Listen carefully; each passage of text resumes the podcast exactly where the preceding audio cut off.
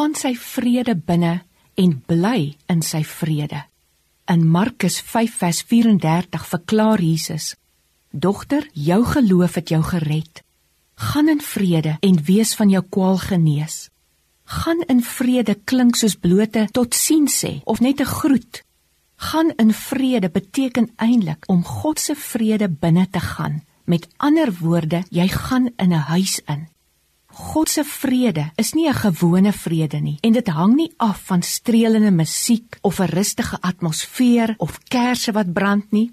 Sy vrede is buitengewoon groot en uniek en anders as wat die wêreld dit aanbied.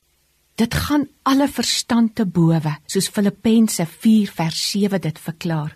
Wêreldse vrede is weer iets soos kalmeerpille, sigarette, drank, dwelms, moontlik skokterapie om maar net 'n paar op te noem.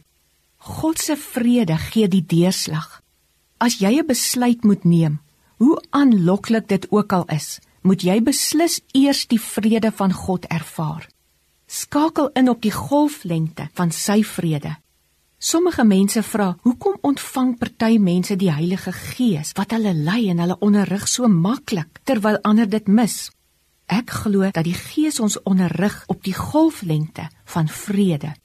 Net soos 'n radiostasie se opvangs 100% ingestel moet wees om effektiewe luistergenot te kan verseker, moet Christene ook 100% op God se vrede ingestel wees. Satan is dus ingestel om ons vrede te steel, want as hy daarmee slaag, is ons outomaties ontsteld, ons is angstig, ons is siek, ons is negatief Daarom rig die Heilige Gees gelowiges op die golflengte van God se vrede. Onthou, dis God se vrede wat ons teen angs en vrees beskerm. Kolossense 3 vers 15 verklaar dat die vrede van God in ons harte moet heers. God se vrede is soos 'n skeieregter. 'n Skeieregter se bevele is finaal en dit gee die deurslag in elke sportsoort. Laat sy vrede vir jou die deurslag gee in dit wat jy doen. Kom ons bid saam.